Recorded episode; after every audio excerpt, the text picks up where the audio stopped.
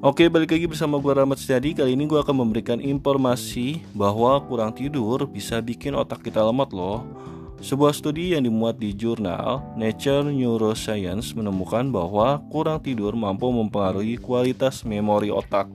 Peneliti membagi subjek menjadi dua kelompok, yaitu kelompok non tidur, tidak tidur selama 35 jam non-stop, dan kelompok tidur atau dalam kategori tidur normal.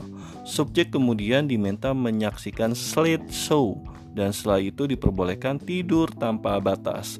Hasilnya, kelompok non tidur sulit mengingat kembali apa yang mereka lihat di slide show. Bahkan setelah mereka beristirahat cukup dibandingkan dengan kelompok yang tidur normal.